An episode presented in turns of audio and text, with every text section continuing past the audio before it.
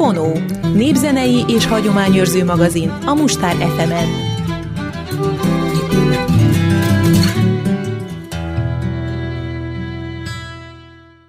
Szép napot kívánok mindenkinek itt a Mustár fm a 89,6 MHz-en. Mai hagyományőrző magazinunkat, a Fonót hírekkel fogom kezdeni, majd pedig hungarikumok rovatunk fog következni. Ezúttal a magyarok ősi jelképét, a turult fogom nektek bemutatni. Azt követően meghallgathatok egy beszélgetést, amit kolléganőm Molnár Brigitta készített Demarcsek Györgyel. Demarcsek György néptáncpedagógus, a Nyírség táncegyüttes művészeti vezetője, vele a Nyírség közelgő programjairól fognak beszélgetni. Azt követően pedig jeles napok rovatunk fog következni itt a Fonóban. Következenek akkor most itt a hírek a Fonóban. Hetedik Nemzetközi Tánc Tudományi Konferencia – Jelentkezési határidő szeptember 20-a. A Magyar Táncművészeti Egyetem művészet elméleti tanszéke, pedagógia és pszichológia tanszéke, valamint az MTE Vályi Rózsi Könyvtár és Tánctudományi Kutatóközpontja szervezésében, együttműködve az MTA Tánctudományi Munkabizottságával, Tánc és Kulturális Örökség címmel 2019. november 15-16-án kerül sor az egyetem 7. Nemzetközi Tánctudományi Konferenciájára. A helyszín Magyar Táncművészeti Egyetem. Budapest, Kolumbusz út 87-89. A konferencia tartalmára vonatkozóan a Tudományos Programbizottság előzetes témaköröket nem határoz meg. Jelentkezni lehet minden olyan tánccal, táncművészettel, tánctörténettel, táncelmélettel, táncesztétikával, táncpedagógiával, valamint ezek határterületeivel kapcsolatos témával, amely tartalmi, módszertani vagy más elméleti, illetve gyakorlati szempontból elősegíti a tánc, mint az egyetemes kulturális örökség alkotó eleme mélyebb elsajátítását, megismerését, illetve megismertetését. A résztvevők létszáma nem korlátozott. Regisztrációs díj nincs. A konferencia munkanyelve magyar. A külföldi meghívottak esetében ettől lehet eltérés. A jelentkezés elfogadásának feltétele a megadott határidőig a jelentkezési lap, valamint az abstrakt beküldése. A konferencián számítanak az alap- és mesterszakos egyetemi hallgatók részvételére is. A konferencián plenáris előadásokra, tematikus szekció előadásokra és tematikus szimpóziumokra kerül sor. Plenáris előadásra neves hazai és külföldi szakemberek kapnak felkérést. A plenáris előadás időtartama 45 perc. Szekció előadásra bárki jelentkezhet. A szekciókat a Tudományos Programbizottság a jelentkezés lezárása után azok ismeretében állítja össze. A szekció előadások időtartama 20 perc. A szimpózium legalább három előadó, valamint legalább egy opponens egymással szorosan összefüggő témakörben összeállított programját jelenti. A szimpózium időtartama másfél-két óra. Kutatócsoportok beszámolóira szimpózium keretében kerülhet sor. A jelentkezési lapot csak a szimpózium vezetőjének kell kitöltenie, megnevezve a további közreműködőket. A szimpózium résztvevője emellett szekció előadással is jelentkezhet. Abstrakt. Az előadás, illetve a szimpózium rövid tartalmi összefoglalója magyar és angol nyelven. Tartalmazza a címet, az előadó, az előadók, illetve a szimpózium nevét. Három-öt kulcs szót, és a bekezdésekre tagolva a téma főbb tartalmi egységeit. Úgy, mint a téma rövid leírása, annak újszerűsége, a kutatás módszerei, fontosabb eredményei, illetve azok értékelése. A terjedelem szóközökkel együtt minimum 1000, maximum 1500. Az abstrakt szakirodalmi hivatkozás jegyzéket ne tartalmazzon. Abstrakt kötet a beküldött abstraktokból magyar-angol kétnyelvű önálló kötet készül, amelyet a résztvevők a konferencia megnyitásakor készhez kapnak. A kötetbe abstraktonként legfeljebb 1500 terjedelmű szöveg kerül be. A jelentkezési lapot, valamint a magyar és angol nyelvű abstraktot elektronikus úton Lednicki Bea tudományos titkárhoz kérik beküldeni. E-mail cím lednicki bea.mte.eu. Jelentkezési határidő 2019. szeptember 20-a. A beküldött jelentkezések elfogadásáról, illetve szekcióba sorolásáról a Konferencia Tudományos Programbizottsága 2019. október 15-ig értesíti a jelentkezőket. A konferencián az étkezés a kávészünetek kivételével önköltséges. Az elhangzott előadásokból konferencia kötet készül. A kéziratok leadási határideje 2019. december 31-e. A formai követelményekről az előadókat a jelentkezések elfogadásával egyidejűleg tájékoztatják.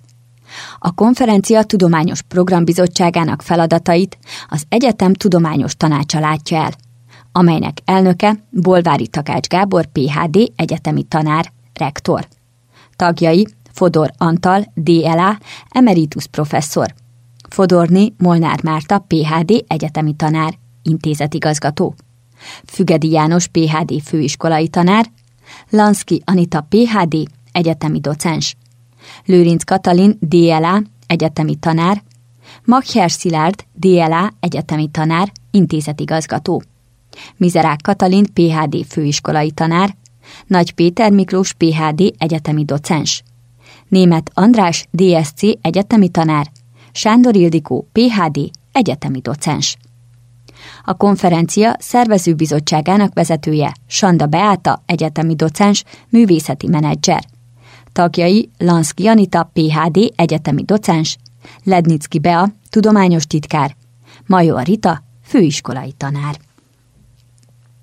Most elmegyünk, tartunk egy nagyon rövid szünetet, de utána tovább folytatódik hagyományőrző magazinunk a Fonó, ezúttal Hungarikumok című rovatunkkal.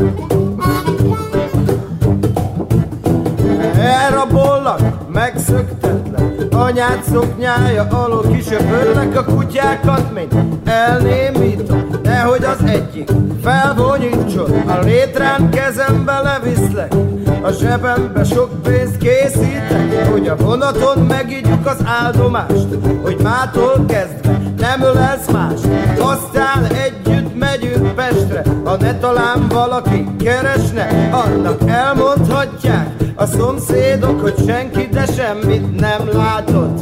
Nem hallott meg senki minket. Ahogy itt hagyjuk a lelkünket A szívünket meg magunkkal vittük a kapufélfától Elköszöntünk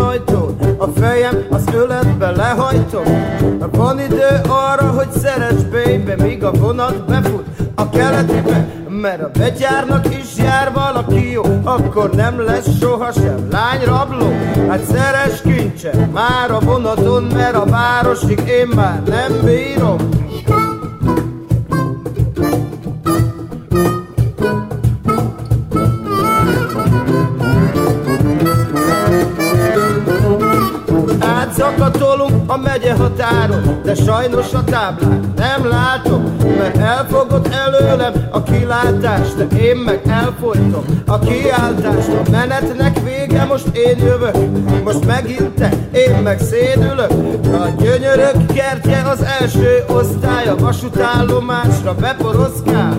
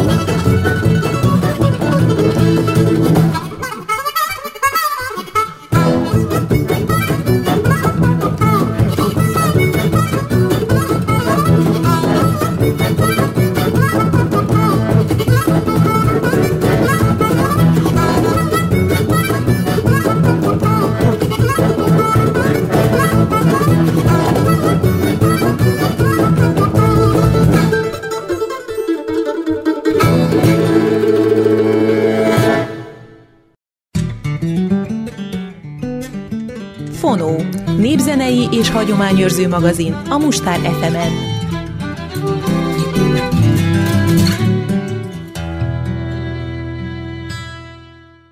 Folytatódjon tovább hagyományőrző magazinunk a Fonó, ezúttal Hungarikumok című rovatunkkal. Lássuk a magyarok ősi jelképét, a turult. Turul magyarok ősi jelképe. Szállj újra föl a magyar égre. Adj nekünk hitet, reményt s kitartást, hogy tiszta szívvel várjuk a megváltást. A turul madár ősi madarunk. Sokféle elmélet és kérdés kering a turul madárral kapcsolatban, melyekkel a mai kor nem kellőképpen foglalkozik. Lássuk, eddig mi mindent tudhatunk szent madarunkról. Anonymous a Gesta Hungarorum című munkában a következőképp írta le Álmos nagyfejedelem születésének történetét. Az úr megtestesülésének 819. esztendejében. Ügyek, Magók király nemzetségéből való igen nemes vezére volt Szcítiának, aki feleségül vette Dentű Mogyerban Őned Bélia vezérnek Emese nevű leányát. Ettől fia született, aki az álmos nevet kapta. Azonban isteni, csodás eset következtében nevezték el álmosnak. Mert teherben lévő anyjának álmában isteni látomás jelent meg turulmadár képében. És mint egy rászálva, teherbe ejtette őt. Egyszer mind úgy tetszett neki, hogy méhéből forrás fakad, és ágyékából dicső királyok származnak. Nos, ez kísértetiesen hasonlít Jézus Urunk születése történetéhez, melyet megtalálunk Máté apostol evangéliumában. Íme. Jézus születése így történt. Anyja, Mária, jegyese volt Józsefnek. Mielőtt azonban egybekeltek volna, kitűnt, hogy Mária gyermeket fogant méhében a Szentlélektől. A férje, József, igaz ember volt. Nem akarta őt megszégyeníteni, ezért úgy határozott, hogy titokban bocsátja el. Míg ezen töprengett, megjelent neki álmában az úrangyala, és így szólt. József, Dávid fia, ne félj attól, hogy feleségül vedd Máriát, mert benne fogant élet a Szentlélektől van. Fia születik majd, akit Jézusnak nevezel, mert ő váltja meg népét a bűneitől. Tehát úgy az egyik, mind a másik születés történetben az Úr az Isten küldötte adja tudtára Emesének, mind Máriának, hogy gyermekük, fiúk születik, aki népe nagy, elhivatott királya, Jézus esetében megváltója lesz. A turulmadár tehát az Isten hírnöke. Küldötte, mint ahogy az angyal is az. Az angyal szerepét a keresztény tanítás fényében mindjárt értjük és ismerjük, de a turulmadár miben léte már sokkal rejtelmesebb. Honnan is eredhet a turul szó? Nem lehetetlen, hogy a turul, mint Isten jelkép, a termékenységi vallás istennőjéhez, nagyasszonyához, Turánhoz vezethető vissza, melyet a halomsírok hoztak magukkal a Kárpát-medencébe, majd vittek Itáliába. Lehetséges, hogy eme halomsírok az Araltótól keletre fekvő síkságról indultak el, melyet Turáni Alföld néven ismerünk. A Turán istennőtől kaphatta nevét, s melyet a turáni népek szülőföldjének tartanak. A turul a magyar eredet mondák mitológikus madara. A magyarok ősi pogány hitvilágának emléke. Az égi hatalom és az uralkodói fensőbbség megtestesítője. A mondavilág tőle eredezteti az Árpád-házat, a Turul nemzetséget, és mint ilyen az Árpádházi fejedelmek és királyok isteni eredetét hivatott hangsúlyozni. A Turul az isteni gondviselés és iránymutatás nemzeti jelképe. Az önálló magyar nemzeti identitás és a nemzeti összetartozás ősi jelképe. A mondai turul a természetben egy nagy testű sólyommal, a kerecsen sólyommal, vagy az altai havasi sólyommal azonosítható. A turul szó török eredetű. A togrul vagy turgul vadássólymot jelent. A magyar nyelv három szót ismer, amely a sólyomra vagy a sólyom kultuszra utal. A kerecsen, a zongor és a turul szavakat. A turul szerepe az Emese álmamondában az Árpádház jelképes ősapjaként a honfoglalás legendájában feltűnik népmeséinkben is, illetve egy újabb keletű monda kapcsolja a Rákóczi szabadságharchoz. Turulábrázolások A kora középkorban a hunok, avarok és magyarok kedvelt díszítő motivuma volt a turul. Erről több régészeti lelet tanúskodik. A turul a Nemzetbiztonsági Hivatal, a Katonai Biztonsági Hivatal, illetve a Magyar Honvédség és egyes szervei jelképében is szerepel. Számos település címerében is megtalálható a turulmadár. A turul ábrázolások legfőbb emlékei azonban a Kárpát-medence magyar lakta részeit behálózó szobrok százai, melyek leginkább világháborús hősi emlékművek tetején díszelegnek. A legismertebb és a legnagyobb a Tatabányai Turul szobor, amely a megyeszékhely címerében is szerepel. A Tatabánya melletti kőhegy tetején lévő Turul szobor állítólag Európa legnagyobb madarat ábrázoló szobra. A kiterjesztett szárnyak fesztávolsága majdnem 15 méteres. Kézai Simon krónikája szerint a honfoglaló Árpád vezér seregei így győzték le Svatopluk szláv fejedelem hadait. Donát Gyula alkotása 1907-ben készült el, és 1992-ben újították föl. A turulmadár tehát az égi és földi hatalom közötti kapocs. Ős hitünk, ős szellemiségünk szent madara, Isten jelképe volt amely hírul adta emesének, hogy fia, Álmos, a magyarság elhivatott szent fejedelme lesz, aki megszervezte a vérszerződéssel foganatosított nemzet szövetséget, melynek eredményeként elfoglalták a Kárpát-medencét, és lerakták a magyar nagy hatalmiság alapjait a következő 600 évre. Nem csoda tehát, hogy a turulmadarat megtalálhatjuk a Kárpát-medencében számos emlékmű csúcsán, hirdetve a hajdani dicsőségünket. Most elmegyünk, tartunk egy nagyon rövid szünetet, utána pedig tovább folytatódik hagyományőrző magazinunk a Fonó, ezúttal a már beígért beszélgetéssel. A beszélgetést Molnár Brigitta készítette Demarcsek Györgyel, néptáncossal, aki a Nyírség Táncegyüttes művészeti vezetője is. Vele közelgő programokról, a Vásárhelyi László művészeti alapfokú iskoláról és a Nyírség Táncegyüttesről fog beszélgetni.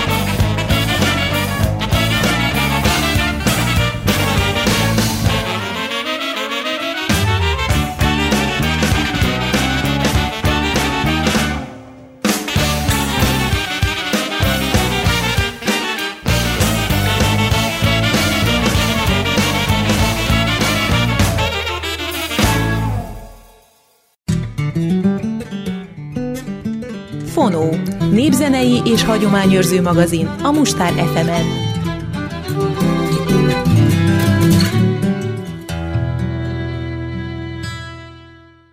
Köszöntöm a stúdióban Demarcsak Györgyöt, a Nyírség Táncegyüttes művészeti vezetőjét, pedagógus, néptáncpedagógust, akivel az elmúlt időszakban nem nagyon beszélgettünk, de hát a Nyírség házatáján, valamint a néptánc világában, és természetesen a Vlaminál is nagyon-nagyon sok minden történt azóta, hogy utoljára itt a mikrofonok mögött beszélgettünk. Kezdjük is akkor talán a közelmúlt eseményeinél, hiszen a napokban a Vlami házatáján nagyon nagy dolog történt, hiszen 20 éves volt az intézmény, és ennek keretein belül azért megünnepelték szépen, megünnepeltétek nagyon szépen ezt a kerekéfordulót. Megünnepeltük, és hát azt nem tudom, hogy egyébként azt mindenki tudja, hogy mit jelent az, hogy valami. ez csak számunkra egyértelmű ez a rövidítés. Így van. Ugye ez a Vásárhelyi László alapfokú művészeti iskolát jelenti, néha olyan furcsa, amikor mi is úgy hívjuk, hogy valami, és akkor aki még ezt nem hallotta ezt a kifejezést, akkor valami, vagy micsoda? De szóval a lényeg az, hogy Vásárhelyi Laci bácsiról neveztük el, a régi néptáncosról, aki, aki ugye, aki mit tudokon zsűritakként is szerepelt még nagyon régen, és sajnos már meghalt, de aztán róla neveztük el ezt, a, ezt az iskolát, és Tekintettel arra, hogy 20 évvel ezelőtt alapítottuk meg, ezért most úgy döntöttünk, hogy ezt a 20 évet megünnepeljük, és ez az ünneplés egy partner találkozó és konferencia, illetve egy kiállítás és egy nagy gála műsor keretében valósult meg az elmúlt héten 24-én pénteken, ahova összehívtuk a régi pedagógusainkat, a mostaniakat, a, a különböző olyan szervezeteknek a vezetőit, ahol vagy telephelyel vagyunk, vagy csak egyszerűen,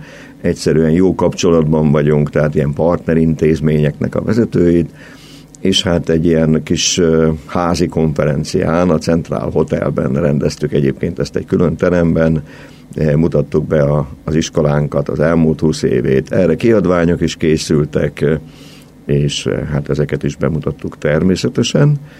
Majd ezután átmentünk a művelődési központba, ahol délután fél ötkor volt egy kiállítás megnyitó. A kiállítás megnyitóra már megérkezett a az Emberi Erőforrások Minisztériumából is, mint főpartner intézményünkből, ugye a, a dr. Maruzsa Zoltán köznevelésért felelős helyettes államtitkár is, úgyhogy onnantól kezdve egész estig a gála műsor végéig velünk volt, és ő is nagy élvezettel figyelte az eseményeket. Majd a kiállítás után következett a gála műsor. Egyébként immár hagyományos ez a Vlami Nyírség gála, ugye, és hát most ennek a keretében ünnepeltük a Vlami 20 éves jubileumát, a nyírség meg 45, de azt nem most ünnepeltük, hanem azt majd fogjuk évvégén ünnepelni egy másik gálaműsor keretében, tehát most a nyírség úgy került oda, hogy egyébként is ilyenkor szoktunk egy ilyen vizsgakoncert bemutatót tartani, és uh, ahol az utánpótlás csoport gyerekeinek, szüleinek megmutatjuk ugye a nyírség táncegyüttest is, hogy mi az, ahova eljuthatnak majd a gyerekek, amikor majd már nagyobbak lesznek és felnőttek. És ezt a gálaműsort, ezt ismét csak hatalmas sikerrel, teltházzal sikerült lebonyolítanunk, és hát magam is nagyon sokat gyönyörködtem benne, hogy, hogy tényleg a szívós, kitartó munka a kollégáinknak a, a fölkészültsége és a összefogás, együttműködése micsoda szép produkciókat tudott létrehozni ismét. Nekem is abban a szerencsében volt részem, nem ezen a rendezvényen, viszont előtte a város által szervezett ifjúsági napon felléptek a, az iskolának a növendékei, és nem csak tánc, hanem dráma kategóriával, dráma műsorban is megmutatták a színpadon, hogy mit is tudnak. Nagyon tehetséges fiatalok járnak ide. Egyébként hogy lehet bekerülni ebbe az iskolába? Egyszerűen csak jelentkezni kell, tehát minden év, mármint hogy tanév elején kicsit hirdegetjük magunkat, meg a pedagógusokkal megbeszéljük, hogy ők is azokba az iskolákba telephelyekre vigyenek magukkal ilyen jelentkezési lapokat, és hogy a gyerekeken, szülőkön keresztül ajánlják fel ezt a lehetőséget, hogy lehet hozzánk is jönni, sok más művészeti iskola van egyébként ugye a városban, megyében, de mi is, mi is nagyon sok felé vagyunk, és hát mi vagyunk a a művészeti iskolák közül az egyetlen, amelyik egyébként az oktatás a bázis intézménye vagyunk, kiemelt tehetségpont is vagyunk,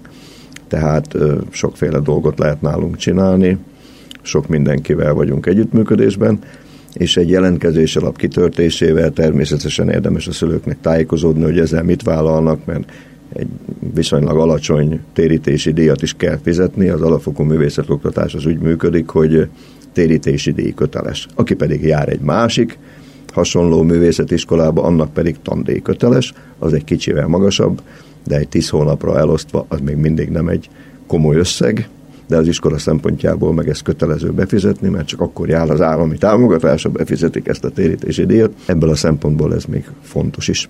Egyébként pedig bármikor el lehet hozzánk jönni a Vásárhelyi László Alapfokú Művészeti Iskola új székhelyére, azért mondom, hogy új, mert még nem olyan régi, két évvel ezelőtt költöztünk oda tulajdonképpen a Betlen Gábor utca 30 szám alá. Sokan még mindig úgy ismerik, hogy az SX Kft. ott régen oda, oda jártunk, de én magam is oda jártam mindenféle elemeket vásárolni. Na ezt a helyet alakítottuk át aztán az iskola székhelyévé, és ott is folyik sokféle oktatás, többek között a már említett drámások is, de van néptánc is, meg népzene is, meg sok minden. Oda bármikor el lehet jönni munkaidőben, föl is lehet hívni, meg lehet nézni, hogy milyen körülmények között tanulnak a gyerekek, és hogy akinek ezt megtetszik, akkor be tudja iratni a megfelelő időpontra, a megfelelő iskolába, telephelyre, vagy éppen a székhelyünkre a, a, a fiatalokat, a gyerekeket. Úgyhogy hozzánk könnyű bekerülni.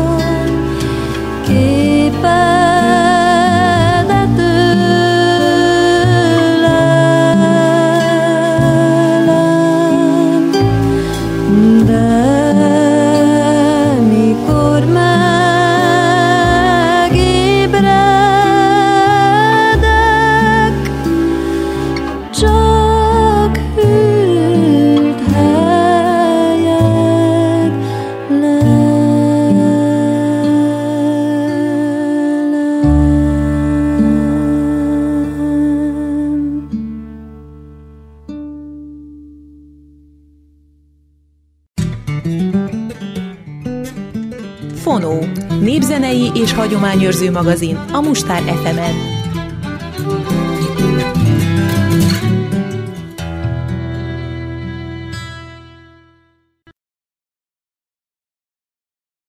A nyár folyamán azért számos helyen megtalálhatóak lesznek majd ezek a néptáncosok is, ezek az utánputlás csoportok is esetleg fellépnek azokon a nyári eseményeken, amelyek még előttetek állnak? Igen, a, a, tehát az utánpótlás csoportok most is föllépnek majd a Nemzeti Összetartozás napján, vagy éppen lesz itt egy, lesz itt egy olyan sporttudományi konferencia, ahová a Nyírség Táncegyüttest hívták meg, és akkor ott is az egyik utánpótlás csoportunk is fogadni egy kis rövid műsor, tehát bemutat a műsoron belül egy koreográfiát, vagy éppen elmegyünk a Zohár napi sokadalomra, Vásáros Naményba, oda is visszük magunkkal az egyik utánpótlás csoportunkat, tehát nekik is mindig igyekszünk lehetőséget biztosítani. Természetesen nyáron, amikor lesz a nemzetközi fesztivál, akkor is lesz lehetőségük segíteni bekapcsolódni a fesztivál életébe, tekintettel arra, hogy sok külföldi együttes lesz, nekik önálló bemutatkozásra most nem valószínű, hogy lesz lehetőségük, mert itt nagyon rövid műsorokat kell adni, és értelemszerűen szeretnénk a külföldi együtteseket megmutatni a nyíregyházi közönségnek. Na de hát aztán ősszel pedig eh, következik majd a, a mi jubileumig áll a műsorunk, ahol aztán meghatározó szerepe lesz az utánpótlásnak természetesen, ahogy szokott lenni, tehát szeretnénk megmutatni a teljes spektrumát ennek, hogy a kicsiktől a nagyobb bacskákig hogy is épül föl az öregek, ugye, akik már nem táncolnak a nyírségben, meg a mostani nyírségesek, és akkor ez az egész nyírséges család majd együtt ad egy nagy gála műsort.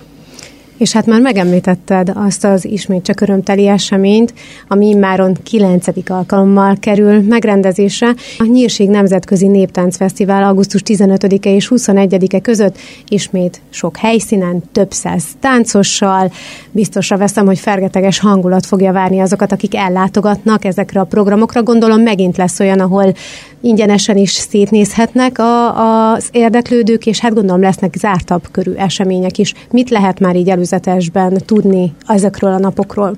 Azt lehet tudni, hogy 15-én fognak megérkezni, bár tekintet arra, hogy most nagyon sok tengeren túli együttes van, ezért lesz olyan, aki már hamarabb érkezik. A repülőgépek menetrendjéhez még a fesztivál nem tud alkalmazkodni, de ők aztán érkeznek, és és hát 16-án lesz egy nagy megnyitó gála műsor a, a Kossuth téren, és aztán folynak a programok. A hétvégén, azon a hétvégén lesz nagy gála műsor a Művelődési Központban, hétfőn lesz egy nagy gála műsor 19-én az új szabadtéri színpadon, amikor bemutatkozunk, és ami még nagyon fontos, tehát ugye ingyenes rendezvény, ami a Kossuth téren van, a, a szabadtéri színpad az természetesen belépődíjas, de lesz egy olyan, amikor tényleg oda lehet menni az együttesekhez, egy olyan programunk is van, hogy Táncolj Nyíregyháza. És a Táncolj Nyíregyháza programban egy ilyen nemzeti nap keretében a Kossuth téren megjelennek ezek az együttesek, a tér különböző pontjain mindegyik együttesnek lesz egy kijelölt helye, és akkor ott ők kicsit bemutatják valamelyik produkciójukat, és aztán lehet velük kommunikálni. Tehát lehet velük táncban is kommunikálni, meg úgy szóban is, amikor éppen pihennek. Tehát oda lehet menni hozzájuk. Mindenkitől szoktuk ilyenkor kérni, hogy hozzon a saját vidékére, országára jellemző kis ételeket, amit vagy itt el lehet készíteni, vagy, vagy olyan kész dolog, ami, ami jellemző édesség, vagy valamilyen rákcsálni valók, és akkor ezeket ott meg lehet kóstolni, ezeknek is nagy sikere szokott lenni, de itt a lényeg a mozdulj, azaz a táncolj Nyíregyháza, ugye nem véletlenül mondtam a mozdult, mert van ilyen program, hogy mozdulj Nyíregyháza, ez ugyanaz, csak táncban, itt táncolni fog egész Nyíregyháza a Kossuth téren, remélem jó idő lesz, nem olyan, mint most, de az se jó, hogyha túl meleg van, úgyhogy egy ilyen kellemes 20-25 fokot hogy tudnánk rendelni. Idő. Amikor nem esik az eső, az nagyon jó lenne. Itt aztán eltöltünk egy kellemes délutánt a nyíregyháziakkal. A szabadtéri gála az ugye mindig egy nagyon emlékezetes dolog, de a legemlékezetesebb a Nyíregyháza visszavár program, az az augusztus 20-a. Ugye augusztus 20-ára készítünk a mi zenekarunk vezényletével az összes ideérkező zenekar készít egy produkciót, amit közösen játszanak el, az egyik magyar zenét fogják eljátszani minden hangszeren, amit hoznak magukkal. Ez nagyon érdekes program szokott lenni szintén. És mi is készítünk ugye az augusztus 20-ai ünnep tiszteletére, mert részt vesz akkor az összes táncegyüttes az állami ünnepen, meg az összes zenekar is. Oda is készítünk egy, egy táncot, ami Hát ami egy ilyen kenyérünnep lesz tulajdonképpen, vagy most kenyéráldásnak neveztem el ezt a programot. Amúgy is mindig van ugye a színpadon, amikor a, a, az ideérkező egyházak képviselői megkeresztelik a kenyeret tulajdonképpen, és akkor ezt a kenyéráldást ezt egy kicsit kibontjuk, és ebből lesz egy olyan koreográfia, amit ott az összes táncegyüttes a téren, ezt elsősorban a magyar táncegyüttesek, mert ugye magyar együttesek is lesznek, mindjárt elmondom, hogy még honnan is érkezik egy magyar együttes, és akkor utána pedig következik a hagyományos, ez a zenei, a zenekarok koncertje a végén ezzel a közösen megtanult számmal, és a legvégén pedig a táncegyüttesek utolsó záró gála műsora. Majd a leges legvégén a tűzijáték, ugye az a szokott befejeződni augusztus 20-a, de nekünk még ekkor sem lesz vége a fesztiválnak. Hiszen minden este van fesztiválklub, és utolsó éjszakára szoktuk hagyni az úgynevezett magyar estet a fesztiválklubban. Ez azt jelenti, hogy a hogy az együttesek szállásán van egy olyan helyszín, ami, amit fesztiválklubnak alakítunk ki, és akkor ott az összes együttest együtt esténként bulizik. De ez nem csak egy ilyen hagyományos buli, hanem mindenki ad egy kis produkciót, és tanítja a saját táncait minden este. Két együttes, két vagy három együttes, és akkor aztán persze átmegy egy ilyen világzenei diszkóba tulajdonképpen, de se egy ilyen hagyományos tusz-tusz zenére történik, hanem, hanem igényesebb zenékre és olyan kellemesen táncolható hangulatban világzenékre, amit minden országban mindenki ismer, azokra történik a közös táncolás is, ami már egy szabad, szabad program. Na és akkor visszatérve a Magyar Estre, ugye nem csak a nyíregyházi együttesek lesznek itt, hanem mindig a fesztiválnak van egy olyan küldetése, hivatása, hogy mindig hív egy határon túli magyar együttest is. Most egy nagyon határon túlit hívunk, egészen messzire, egyszer már hívtunk Japánból a Tokió Kalota táncegyüttest, de most a másik irányból hívunk, Brazíliából uh. a Pántlika táncegyüttest, tehát ott Brazíliában nagyon sok, Dél-Amerikában egy, egy, mind, majdnem minden országban, de Brazíliában is vannak magyar együttesek, akkor ezek közül fog az egyik megtisztelni bennünket. Ezek már ilyen második, harmadik generációs fiatalok, akiknek a szülei, inkább a nagyszülei voltak magyarok teljes egészében, és akkor akkor ők felelevenítik, megőrzik ezt a hagyományt, megtanulják. Ugye járnak ki Magyarországról oktatók a Körösi Csama Sándor programon keresztül, ugye, amit a magyar állam biztosít, mindig egy-egy fiatal megy egy-egy országba, és akkor ott egy éven keresztül tanítja őket, tehát így ők is, ők is ebben részt vesznek, de ők is már egy régen működő magyar társcsoport, most ők jönnek ide, mint határon túli magyar együttes, úgyhogy reméljük, hogy ők is sok meglepetést okoznak majd, mint ahogy a japán magyar együttes is sok meglepetést okozott jó régen, vagy tíz évvel ezelőtt, most jönnek a brazil magyarok, hajrá! Fonó,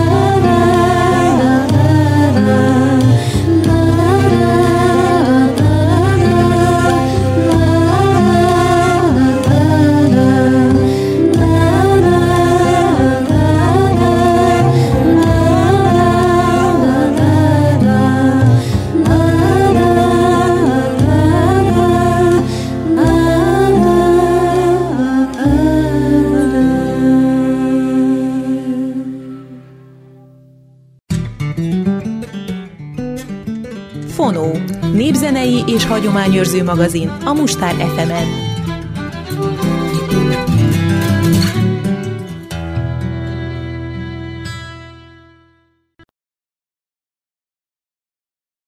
Rajtuk kívül és természetesen a magyarokon kívül honnan várhatóak még együttesek? Még a dél-amerikai kontinensről jönnek, jönnek Kolumbiából és Mexikóból, illetve Európából jönnek Szerbiából és Bulgáriából, és még most függőben van egy orosz gyermek- és ifjúsági együttes, a moszkvai polgármester és a nyíregyházi polgármester találkoztak és megismerkedtek, és kapcsolatokat teremtenek gazdasági és kulturális területen, és akkor a kulturális területen az történne, hogy jönne ide a fesztiválunkra egy ilyen egy orosz ifjúsági és gyermek együttes. Még nem zajlottak le pontosan a tárgyalások, várjuk, hogy küldjék el az anyagukat, és akkor kapják a meghívó levelet, és akkor ez remélhetőleg fog, jól fog működni. A, a, Ázsiából pedig Indonéziából, Tájföldről és Indiából jön még együttes, úgyhogy igen nagy felhozatal lesz most határon túli és és tengeren túli együttesekből, úgyhogy reméljük, hogy... És természetesen a Szabolcs, a Nyírség, az Igrice együttes és a figurás és a művészeti szakgimnáziumból, úgyhogy bőven lesz együttes kilencedik alkalommal kerül megrendezésre. Mit kellett az elmúlt évek alatt változtatni, esetleg mire kellett jobban odafigyelni, milyen tapasztalatokat lehet levonni annak érdekében, hogy az idén kilencedik alkalommal megszervezett fesztivál tényleg annyira nagyon-nagyon jó legyen, mint hát ugye az elmúlt fesztiválok is. Nagyon különleges helyzete van ennek a fesztiválnak, mert annak idején volt egy nulladik is, amikor meghívtunk két együttest, akiknél mi jártunk még régen, és akkor így kezdődött el ezt, aztán csináljunk fesztivált. Ez annak idején találkozott a város akkori vezetőjének a, az igényével, és akkor állt be egy olyan rendszer, hogy egyik évben van a Kantamus Kórus Fesztivál, másik évben a Nyírség Nemzetközi Néptánc Fesztivál, ez egészen 2009-ig működött, és 2010 óta nem támogatták egyébként ezt a fesztivált, egészen 2017-ig, 2016-17-ben valami megváltozott, és, és úgy döntött a város vezetése, hogy jó lenne, ha mégiscsak lenne Nyíregyházának egy, egy, egy komoly nemzetközi fesztiválja. A fesztivál szervező stáb és táncegyüttes az rendelkezésre állt. Igazából egyetlen kérésük volt, hogy próbáljuk meg úgy megvalósítani ezt a fesztivált, hogy picit nagyobb összefogással a többi együttessel. Ez persze találkozott a mi szándékunkkal, hiszen amúgy is annyira most a nyíregyházi táncegyüttesek már egy pár éve annyira egyivásúak, tehát hogy a, az aktív tagjaik azok fiatalok mindenkinél. Ez sok problémát is okoz, mert ugye azért ilyen fiatalok, mert az utánportás csoportokban nőnek föl, majd egyetemista korukban meg már elmennek más egyetemekre, tehát ez általában igaz, nem teljesen, mert azért vannak nem csak egyetemisták egy együttesben, és akkor ők itt maradnak, és mindig újjá lehet építeni. No de összefogással nagyon jól megcsináltuk két évvel ezelőtt, 2017-ben ezt a fesztivált, és ugye 2018-ban is az augusztus 20-ai rendezvényen együttműködtünk, meg már előtte is, és akkor ez így olyan szépen kialakult, hogy a város úgy döntött, hogy akkor visszatér ehhez, hogy akkor egyik évben Kantamus Fesztivál, másik évben, másik évben pedig Nyírség Nemzetközi Néptáncfesztivál. Nagyon sok segítséget kaptunk a, a források előteremtésében. Abban nem vagyunk elég jók. Tehát mi, mint Nyírség Táncegyesület, meg mint Szabolcs, meg a többiek, tehát mindenki megpróbálja, hogy a saját együttesi működéséhez megszerezze a forrásokat, de ahhoz, hogy egy nemzetközi fesztiválra azért súlyos milliók kellenek, hogy ez összejöjjön. Ebben a város segít nekünk nagyon-nagyon sokat, és, és ez így jól tud, jól tud működni ez az együttműködés a kulturális osztályjal, a polgármesteri kabinettel tulajdonképpen, tehát mindenki segít nekünk abban, hogy, hogy legyen megfelelő forrás arra, hogy, hogy meg tudjuk rendezni a város, meg vendéglátó, vendégszeretőit szeretik az emberek ezeket a külföldi együtteseket, Úgyhogy remélem, hogy mindenki megelégedésére fogjuk tudni megszervezni megint ezt a fesztivált. Más ilyen különleges kérés nem volt, ja, még tulajdonképpen annyi elhangzott, hogy legyen egy orosz együttes, mert hogy tavaly, vagy bocsánat, két évvel ezelőtt volt egy nagyon messze, egészen Novosibirskből érkeztek ezek a, az orosz, tehát egy orosz csoport, fantasztikus fiatalok voltak, és nagyon-nagyon jó képzettek, jó hangulatok, nagyon jó műsorokat adtak, hogy legyen megint, és megpróbáltam azt elérni, hogy hogy jöjjön a, a nagy Oroszországi Föderációból jön egy valódi orosz együttes is, meg egy valamilyen olyan nemzetiségi, amelyek ott, ott a környéken vannak, vagy éppen oda tartoznak az Orosz Föderációhoz, de nem sikerült. Valami, valami miatt a, a CIOF-fal, tehát a Folklór Fesztiválok Országos Szövetségével minden országgal jól ment az együttműködés, velük megszakadt, egy idő után megszakadt a, a kapcsolat, és a magyarországi CIOF főképviselője sem tudott velük olyan kapcsolatot teremteni, hozzájuk sem mennek a Szászalombattai Fesztiválra,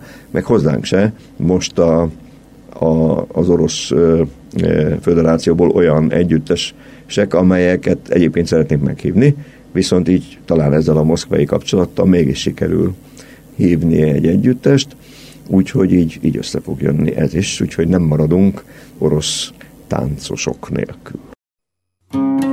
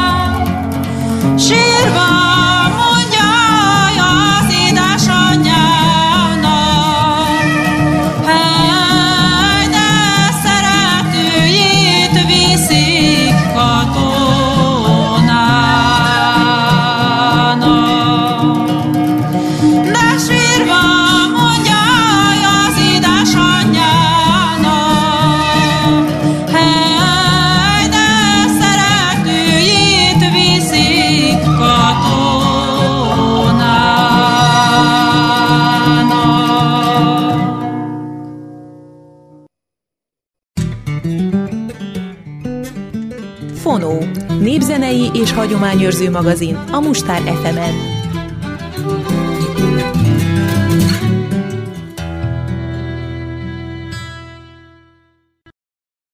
Általában a fiatalok nagyon könnyen megtalálják kulturális sokszínűségtől eltekintve a, a közös hangot.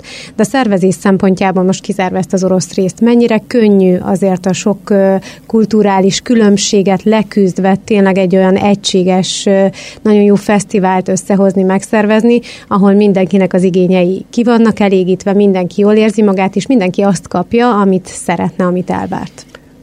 Tehát többek között ezek miatt is ö, vagyunk mi a tagjai a Folklórfesztiválok Magyarországi Szövetségének, ami pedig tagja a CIOF-nak, vagyis a, a, Nemzet, a Folklórfesztiválok Nemzetközi Szövetsége, röviden így lehet lefordítani, és ez feltételez, és elő is ír egy olyan rendszert, amihez lehet alkalmazkodni, és lehet tudni, hogyha elmegyek egy CIOF fesztiválra, akkor ott mi fog engem várni.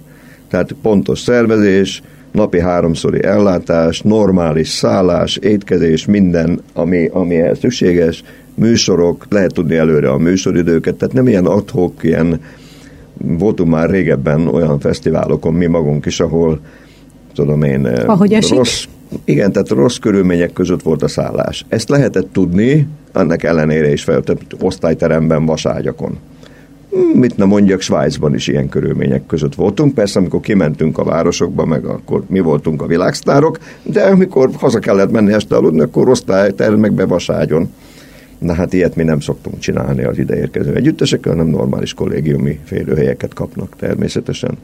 Olyan feltételeket is tudunk biztosítani, amelyek szintén hozzátartoznak a, a CIOF által igényelt feltételekhez, hogy, hogy amikor beérkezik egy együttes az országba, ugye most többnyire repülővel ezek a távoliak nem busszal fognak jönni, akkor a repülőtéren ott várja a fesztivál stábja őket, olyan szintű tolmácsal, aki a fesztivál nyelve az angol, tehát aki angolul képes, nekik is hozniuk kell vagy egy angol tolmácsot, vagy aki tud közülük, akkor angolul tudnak egyből ott megkapja a kis rövid eligazítást, buszt küldünk értük, és autóbusszal hozzuk Nyíregyházára, és akkor innentől kezdve teljes ellátás műsoruk. A programokat előzetesen megkapják, már van olyan együttes, aki most írta, hogy mi muszlim vallásúak vagyunk Indonéziából, és majd olyan étkezést szeretnénk, ami nem tartalmaz disznóhúst, és akkor természetesen olyan étkezést fognak kapni, hiszen mi tiszteletbe tartjuk mindenkinek a szokásait, meg ezt, ami, amit a vallásuk előír, mint ahogy mi is, amikor külföldre megyünk, akkor meg szoktuk írni előre, hogyha van vegetáriánus, vagy olyan, aki, aki és mindezeket figyelembe kell venni, úgy kell megszervezni, van egy kis logisztikája ennek, és a különböző helyszíneken is, hogyha máshol van az étkezés, akkor azt nekünk előre tudni kell. Tehát mindezt megköveteli egy CIO Fesztivál, hogy ilyen legyen. Na most mi egyébként most jelen pillanatban nem vagyunk CIO Fesztivál, mert amikor befejeződött ez a sorozat, akkor ugye 2009-ben, akkor azok voltunk, de ez három évig tartó lehetőség, hogy valaki CIO Fesztivál legyen, három évenként meg kell újítani. De miután nekünk nem volt fesztiválunk, így nem újítottuk meg, hanem most tehát amikor ez a fesztivál lebonyolódik, akkor erről fogunk jelentést adni, el fog jönni ide valaki egyébként közben a, a Magyarországi Ciobból, meg fogja nézni, és hogy jó szívvel javasolja-e a ennek a világszervezetnek, hogy felvegye a tagjait sorába a Nyírség Nemzetközi Néptánc Fesztivál. Bízom benne, hogy így lesz, hiszen minden, minden elvárásnak meg fogunk felelni, de, de azért az egy jó dolog, hogyha utána ismét három évig CIOF fesztiválként tudunk működni. Azért még van egy kis idő addig, hogy tényleg itt legyen az a sok táncos és hát fergeteges hangulatot varázsoljanak ide Nyíregyházára. Mikor lehet teljesen pontos programmal találkozni majd a nyíregyháziaknak, hogy tudják, hogy mikor, melyik együttest láthatják? Augusztus elejére tervezünk egy, egy, egy olyan sajtótájékoztatót, közösen ugye, hogy két évvel ezelőtt is a Városházával, a polgármester úr lesz ott, meg, meg a mi stábunk, és kis műsorral, egy kis, egy kis meglepetéssel kedveskedünk majd a, a sajtóképviselőjének, és természetesen rögtön már aznap este a nyíregyháziak tudni fogják a programot, de addig is nagy óriás plakátokon, meg az interneten mi ezt fogjuk, tehát amikor kialakul a végleges program, ugye azért nem lehet egész sokáig végleges programot, mert a fesztiválnak van egy, egy olyan sajátsága, sajátossága, hogy hogy mi ezeket az együtteseket szívesen ajánljuk itt a megyében más településeknek is. És ugye augusztus 20-án nem nagyon tudjuk, mert hogy akkor van itt az Árógála és a Nyíregyházi nagy rendezvény, de az előző napokban vannak olyan települések, akik 19-én vagy 18-án bonyolítják le egyébként a 20 e, e, műsorukat, illetve hát akkor ünneplik, és akkor azokra a települések szoktak meghívni tőlünk együtteseket, de ez még nem zajlott le, ez még majd a nyár folyamán. Jaj, nekünk is kéne egy együttest, tudtok adni még egyet? Ez így szokott zajlani telefonon, vagy valamelyik polgármester fölhív, vagy, vagy a helyi kulturális élet szervezője, és akkor, hogy hát nekünk nagyon kellene az orosz együttes. De már odaadtuk három másik helyre is. Hát sajnos, úgyhogy tehát ezek így megszerveződnek, és ezért azt szeretnénk, hogyha az együttesek is már a prontos programot kapnák meg, meg annyira egyháziak is tájékozódhatnának, hogy mikor, melyik csapatot hol lehet megnézni pontosan. A Kossuth téren, Szabadtéri színpadon, a művközpontban, vagy éppen, vagy éppen Nagyhalászban, vagy Nagyecseden, ahova szokták hívni mindenfelé itt. Vagy éppen a virágkarneválon, mert két éve például 20-án délelőtre, addig könyörögtek nekünk, még csak beadtuk a derekunkat, és elengedtük az orosz együttest a virágkarnevára, és akkor a Debreceni virágkarnevál felvonulását, és ott azt a kis fellépést a nagy templom előtt is teljesítették, és úgy jöttek vissza ide délután, és becsatlakoztak a próbába, aztán a, a 20 műsorba, és még este a gála műsorba, és a zenekaruk is, tehát hogy ez, ugye ez fizikailag is megterhelő, meleg is van olyankor általában, meg, meg ugye észnél kell lenni, hogy akkor most nekik az étkezésük másképp van, nem úgy van, akkor egy kicsit, hogyha nagy a forgalom, akkor a busszal nem tudnak beállni, tehát elcsúszhat az egész, de ugye a programoknak megadott ideje van Nyíregyházán is, tehát vissza kell érkezzenek, de azért szívesen adjuk ezeket az együtteseket, mert ugye nem mindenki jut el olyan helyekre, ahol ezeket láthatja. Itt meg ide hozzuk, ide jön a világ Nyíregyházára ilyenkor, és mindenki ilyenkor az igazi nemzeti sajátosságaikat mutatja meg természetesen. Hát általában néptáncról beszélünk, meg népzenéről.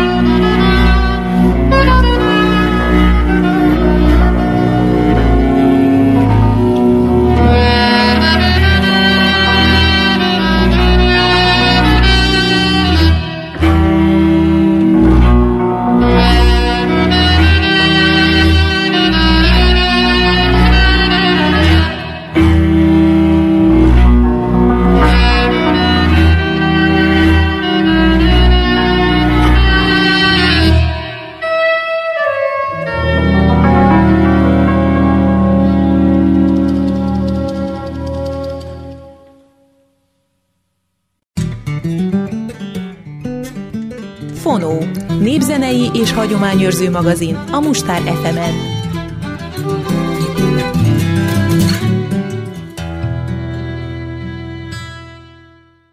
Hát ahogy itt hallgatlak, nagyon komoly szervezést igényel ez, de biztosra veszem, hogy a, az előre várt dolgokat abszolút alá fogja támasztani az a szervező munka és az a sok áldozat a részletekről.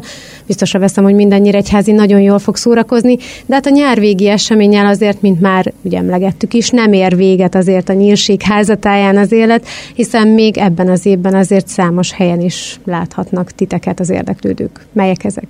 Hát bizony nem ér véget, mert, mert aztán szeptemberben már elkezdődnek a próbák, az olyan próbák, amikor összehívjuk az elmúlt időszak egészen visszamenőleg 30 évvel táncosait, akik már abba hagyták, meg akik már régebben abba hagyták, akik nem olyan régen, meg akik tavaly hagyták abba, tehát, hogy mindenkit, aki él és mozog, és akkor szeptemberben is lesznek próbák, októberben is, meg novemberben is.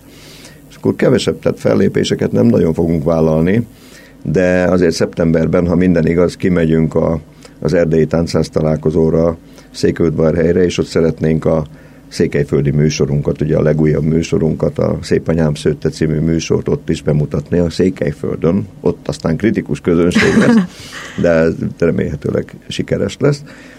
És Azután még van egy szervezésünk, amikor itt Nyíregyházán lesz az Országos Ifjúsági Néptáncfesztivál, remélhetőleg a utánpótlás csoportjaink sikeresen fognak ott is szerepelni, és közben zajlanak majd a próbái a jubileumi gála műsornak. Tehát igazából együtt megint ezt a nagy nyílséges családot ott lehet majd látni november 30-án a, a Continental Arena nevű helyen, úgyhogy majdnem bújtosi csarnokot mondtam, de most úgy hívják, hogy Continental Arena, tehát ott leszünk november 30-án, és ott egy, egy esti, remélhetőleg három órától nem hosszabb gála műsort fogunk adni. Az egész 45 évet felöleli? Hát az egészet, ha nem is, de, de azért nagy részét, tehát ilyenkor mindig szoktuk a, a régi koreográfiákat feleleveníteni értelemszerűen azokkal, akik táncolják. Vagy például van egy, van egy koreográfia, amit mindig eltáncolunk, a Balázs Gusztáv Szatmári Táncok című koreográfiája. Ez valamikor a Szolnoki Országos Fesztiválra készült 1987-ben.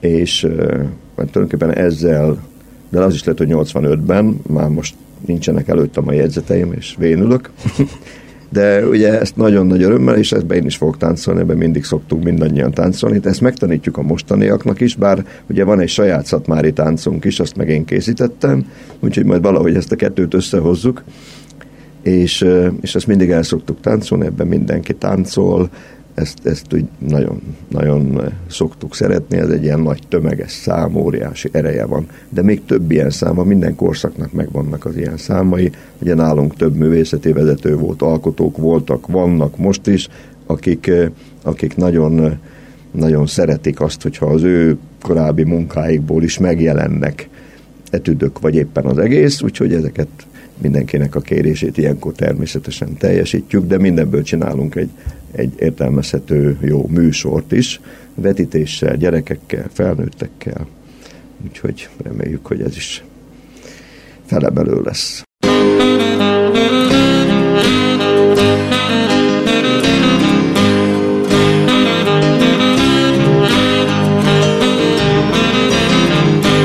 Bús az ember, ha nincs kedve,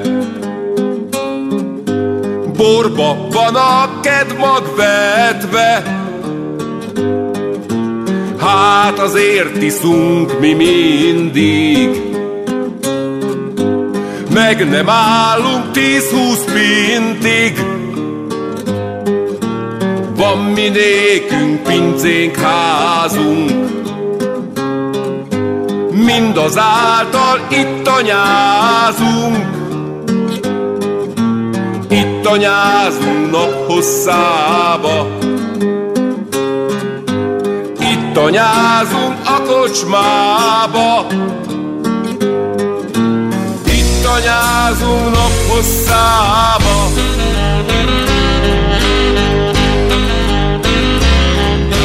Itt anyázunk a kocsmába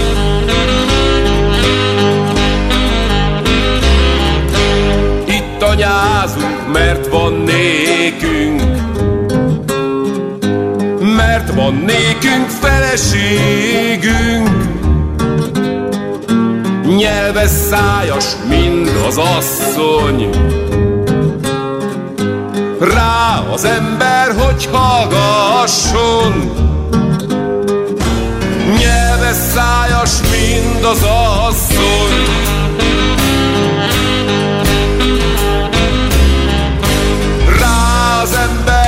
hallgasson.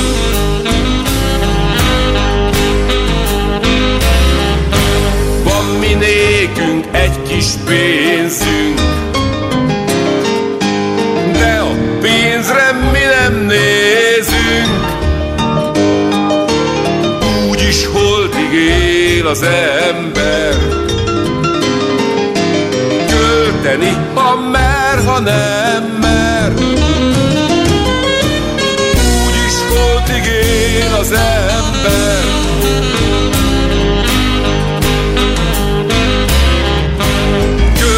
Költeni, ha mer, ha nem mer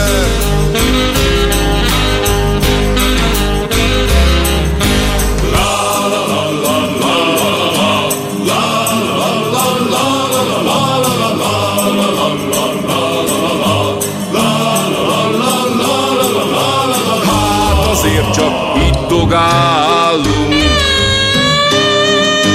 Míg föl nem kötik az állunk, dogálunk naphosszába. Naphosszába a kocsmába. Itt dogálunk naphosszába.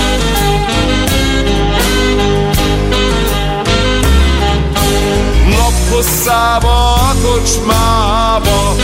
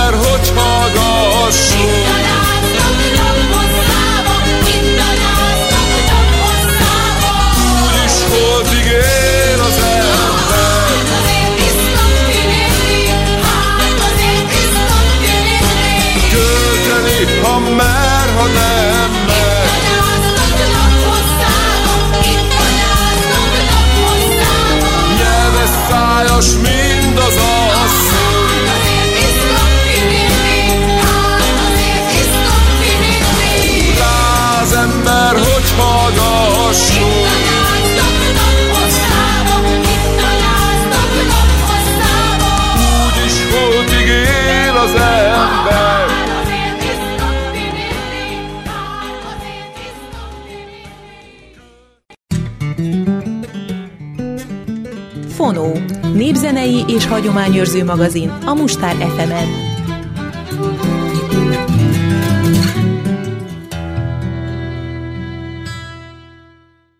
Mi az is egy nagyszabású program, nagy, mint említetted is, nagyon-nagyon sokan részt vesznek benne. Mennyire könnyű összehozni azokat a régi táncosokat, mostani táncosokat, hogy, hogy azért a próbákon is részt vehessenek, és tényleg egy olyan komplex kis programot nyújtsanak az érdeklődőknek, ami, ami tényleg megmutatja az elmúlt hát, éveket. Ez az összehozás már elkezdődött, ugye februárban Sajnos két apropóból is két levél született. Ugye az egyik az, hogy ilyenkor, amikor a jubileumi évvel kezdődik, akkor mindig szoktam írni egy levelet a, a fellelhető összes e-mail címre mindenkinek, meg azzal, hogy adják tovább, akinek megváltozott, meg a barátoknak, stb. És azt kérem, hogy erre reagáljanak, válaszoljanak. Már úgy írtuk meg ezt a levelet, hogy abban már benne volt az is, hogy melyik napokon lesznek szeptemberben, októberben és novemberben a próbák. Tehát előre lekötött időpontok, hogy ez lehet alkalmazkodni és akkor volt, aki még aznap reagált, hogy alig várjuk, jöjjön, aztán, hogy legyen ez az egész, jövünk, és akkor azóta is természetesen a néptáncosok is a renitensek, és akkor nem válaszol mindenki. Akkor ugye sajnos pont uh, akkor halt meg az egyik régi táncosunk, akiknek az első levélben még akkor még nem ment el, akkor még gyűjtést uh, szerveztünk a családjának, de sajnos közben meghalt, akkor megszületett a második levél, akkor már a temetésre is hívtam a régi táncosokat, óriási temetése volt egyébként Antal Istvánnak, itt az egész országból jöttek, régi táncoson, körökös aranysarkantyús táncos, kitűnő táncos volt, kitűnő ember, és nagyon nagy pedagógus is, tehát nálunk dolgozott a művészeti iskolában, de sajnos elvitte egy betegség. 53 éves lett volna a, most júniusban, és öt, még, még öt évvel ezelőtt ugye együtt táncoltunk egy, egy mékeréki táncokat ketten a színpadon, hát most már nem tudjuk majd együtt táncolni. Na és a második levél ugye már ennek apropóján is született, és még arra mindig, már sokan válaszoltak, de még mindig nem mindenki, és akkor most írtam egy, egy harmadik levelet, ez most ment el, hogy most már a héten, aki nem válaszol, az ne is válaszoljon, persze nem így írtam, de ezt értette mindenki a célzást, és akkor most így csőstől jönnek a válaszok. Két-három olyan is volt, aki megírta, hogy nem fog tudni jönni különböző okok miatt, de a legtöbben azt írták, hogy mindent megteszünk és jövünk. Tehát tehát, hogy ugye most megírtuk, hogy ez lesz, mikor kell jönni, és akkor mindenki meg van, aki Angliából jön haza direkt ezért, és azért igyekszik különböző próbákra, meg többen is vannak külföldön, ahogy, ahogy tudnak, fognak jönni. Mindig, mindig nagy, nagy él, élmény ez, tehát hogy a próba eleje az úgy zajlik, hogy megérkezik mindenki, és akkor még mindenki mindenkivel, jaj, te vagy az, de rég láttalak 200 éve, és akkor ez, ez ideig ez így el lezajlik. Na de aztán utána komoly munka van. Emlékszem, öt éve is elkezdtünk kis bemelegítést tartani, akkor nagy lihegés volt. De aztán a harmadik, negyedik alkalomnál már, már teljesen fit volt mindenki, mint a régi, mint ha régen lennénk. Tehát nem egyszerű összehozni, de tekintettel, hogy már februárban megvoltak azok az időpontok, hogy mikor kell majd összejönni, ezért már így tudják helyezgetni a munkájukat. Ez mindig hétvége, tehát itt kell tölteni egy szombat-vasárnapot, és akkor reggeltől estig próbálunk, este pedig próba nélkül táncolunk. Közös főzések szoktak ilyenkor lenni, feleleveníteni a régi zrikálásokat, meg a, az élményeket, meg a szép dolgokat általában.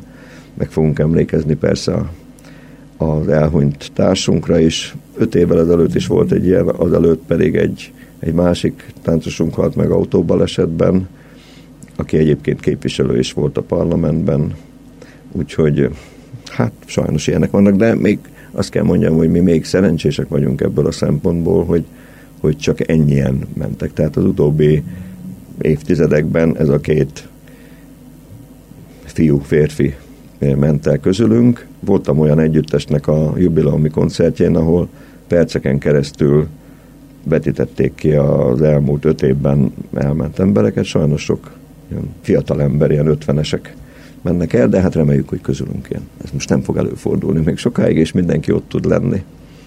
Aztán persze majd, amikor írjuk majd, hogy pontosan milyen műsor, melyik számban számítunk rátok, akkor még ezen egy kicsit fogunk majd vitatkozni, egyeztetni, de én abba is szeretnék, én abban nem szeretnék, én meg abba szeretnék, és akkor ez így szépen ki fog alakulni az első próbán már, és akkor mindenki dolgozhat utána ezerrel. Hát én azért irigykedve hallgatom ezt az igazi néptáncos, családi összefogást, ha lehet ezt mondani, hiszen ahogy hallom, nagyon-nagyon jó kapcsolatotok van, és, és talán így lehet a legjobb dolgokat létrehozni, amikor, amikor ennyire összetartó közösség működik.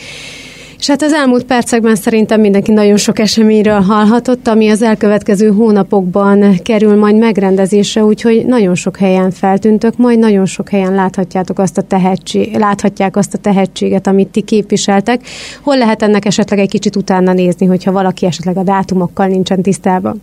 Természetesen mindent közzé teszünk a www.nyírségtánc.hu honlapunkon, tehát a nyírségtánc együttest, ha beírják, akkor rögtön ugye ez a honlap felugrik, és akkor ott minden ott van, és a leggyorsabban ott az pedig a, a, a Facebook oldalunkon, Facebook csoportunk van, oldalunk van, tehát ott is mindig mindenről e, hírt adunk, ami történik, fényképekkel, beszámolókkal.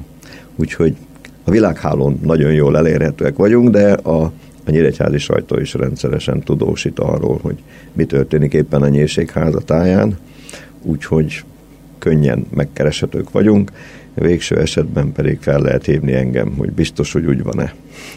Vagy bármelyik táncost. Hát én nagyon szeretném megköszönni a beszélgetést, és sok kitartást kívánok nektek az elkövetkező hónapokhoz, biztos, hogy szükség lesz rá, és hát nagyon szép, csodálatos perceket azokhoz az élményekhez, amelyeket majd így közösen együtt átéltek. Köszönöm Köszönjük szépen. szépen. Köszönjük. Köszönöm. Most elmegyünk, tartunk egy nagyon rövid szünetet, de maradjatok továbbra is velünk, hiszen tovább folytatódik hagyományőrző magazinunk a Fonó, ezúttal jeles napok rovatunkkal.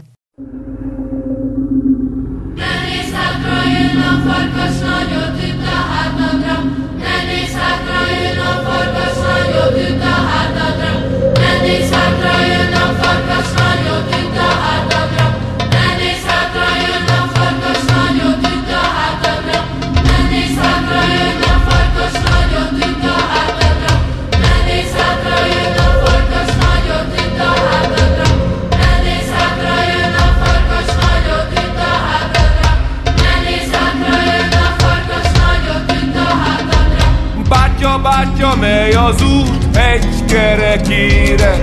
Hosszú-e még az az út? Egy kerekére. Szívem hűl az asztalon? Egy kerekére. Udvaromban ordasom? Egy kerekére. Milyen szelíd a puja? Egy kerekére. Mint az alvó katona egy kerekére. De szép minden hajnalom? Egy kerekére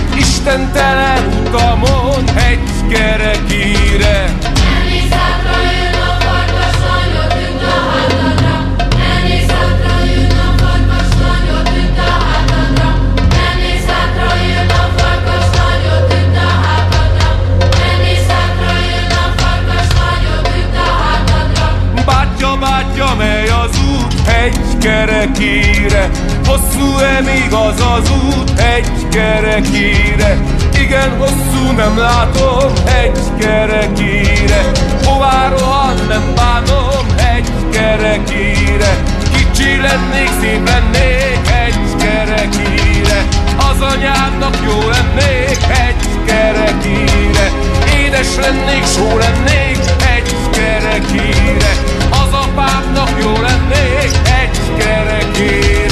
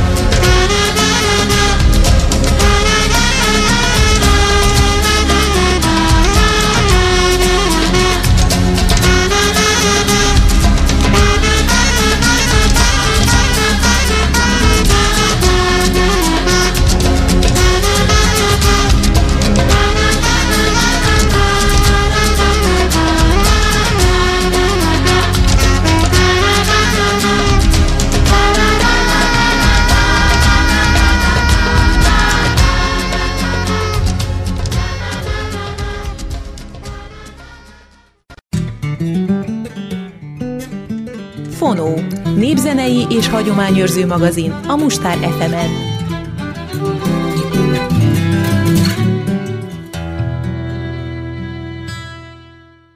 Folytatódjon tovább hagyományőrző magazinunk a Fonó, ezúttal jeles napok rovatunkkal. Lássuk július 20-át, Antiokiai Szent Margit napját. Antiokiai Szent Margit vértanú és szűz. Eredeti nevén Marina. A négy főszűz és a 14 segítőszent egyike. Legendája szerint 275. július 13-án halt, mártír halált. Mindössze 15 éves volt. Mint sok más vértanú halálában, Margitéban is a vakbuzgó pogány apa működött közre. Miután képtelen gyermekét pogány hitére visszatéríteni, maga jelenti fel a hatóságoknál. Margita börtönben legyőzi a sárkány alakban megjelenő kísértőt. De hóhíraival szemben védtelen. Fákjákkal égetik a testét, majd vizes hordóba vetik, végül lefejezik. Antiókiai Szent Margit a magyar Árpádkor kivételesen tisztelt szentje, aki a királyság patrónája címet viselte. Kultusza akkor lendült fel igazán, amikor második Endre szentföldi keresztes hadjáratáról hazahozta koponya erekhéjét. Hazai kultuszának része lehetett abban, hogy negyedik Béla Margitnak nevezte el a tatárjárás borzalmaitól való szabadulásért cserébe Istennek ajánlott leányát. Az Árpádházi királylány, domonkos apáca, majd maga is az egyház szentje lett. Egy történelmi mendemonda szerint az Árpádok vére buzgott skóciai Szent Margitban is, aki a Magyarországra menekült, Edward angolt királyfinak és Szent István rokonának, Ágotának lett volna leánya. Ő is szolgálhatott Árpád házi Szent Margitnak példaképül, hiszen a kilenc éves királyleány már hat éve apácák közt nevelkedett, amikor majd 200 évvel idősebb nagynényét 12. Incepápa 1251-ben szenté avatta. Július 20-a Szent Illés próféta napja. Július 20-a a görög és protestáns naptárban Illés napja. A bibliai elbeszélés szerint az ószövetségi profétát tanítványa Elizeus szeme láttára tüzes szekéren ragadta égbe az úr. A mennybe távozó csodatévő palástja Elizeusra maradt, aki ezzel átvette mestere örökét. A történet az ortodox vallásos művészet kedvelt témája, amit szinte kivétel nélkül változatlanul az ősiségben fogant, beszédes formában dolgoztak fel. A bibliai illés történetében történelem és mítosz alakjában sorsfordító történelmi személyiség és szoláris istenség keveredik. A hívő zsidók illést a messiás hírnökeként várják vissza. Szó szerint értelmezve a malakiás próféta tollára bízott isteni üzenetet. Íme én elküldöm néktek íjést a prófétát, mielőtt eljön az Úrnak nagy, félelmetes napja. A messiás várás történelmi programmá lett ugyan, Eredetileg azonban a messiás is az évről évre eltávozó és visszavárt napistent jelképezte. Illés is sok messiási, napisteni vonást vett fel. Közte és a keresztény messiás Jézus között sok a hasonlóság. Jézus például Illés számos csodáját megörökli. A próféta napisteni múltja kitetszik a kalendáriumból is. Az Illés mennybe menetelét követő harmadik napon a nap saját égi házába, az oroszlán jegyébe lép s Illés névünnepének alig ha nem annak helyes felismerésével kerestek helyet a naptár szerkesztő atyák, hogy ő és a görög Héliosz napistán rokonok. És nem csak névrokonok. Mint Illés, Héliosz is tüzes szekéren utazott. A harci szekér persze nem csak a nap utazó alkalmatossága volt. A kocsizó népek körében minden megszemélyesített égi jelenés hasonló kiváltságnak örvendett. E repülő fogatokat a befogott állatok szerint különböztethetni meg. Ezek ugyanis isteni hajtóik állatjelképei voltak. A Biblia tanúsága szerint a királyok idejében napszekereket és naplovakat tartottak a Jeruzsálemi templomban. Most elmegyünk, tartunk egy nagyon rövid szünetet, de utána tovább folytatódik jeles napok rovatunk itt a Fonóban. Thank you.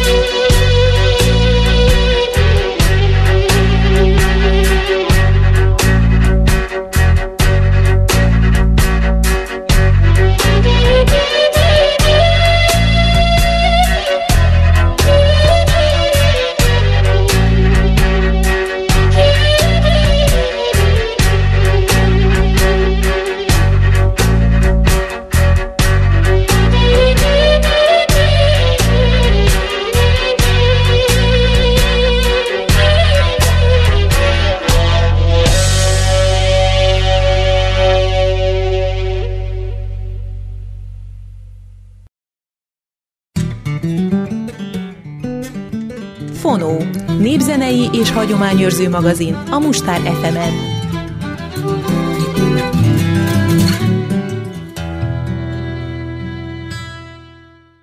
Folytatódjon tovább jeles napok rovatunk itt a Fonóban, lássuk július 20-át, Szent Kümmernisz napját.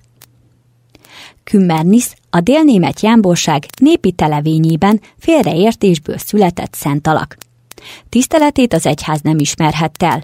Kultusza azonban még a múlt század végén is virágzott Bajorországban. Főleg gyermekáldásért, női betegségekből való gyógyulásért szoktak hozzá könyörögni. A kümmernisz gond töprengés mellett emlegetik, mint látni fogjuk más neveken is. Története egyaránt idézi a legenda, lovagregény, népmese világát. Ősi Jámbor hagyomány szerint a keresztre feszített Krisztus alakját titkos tanítványa Nikodémus faragta fába. Történt, hogy a Nagy Károly idejében élő Gaulfrédus püspök Jeruzsálembe zarándokolt. Itt álmában angyal jelent meg, és hírül adta neki, hogy Krisztusnak Nikodémus faragta képmása, az ő szállásával szomszédos házban egy Zeleukiosz nevezetű kereszténynél van elrejtve.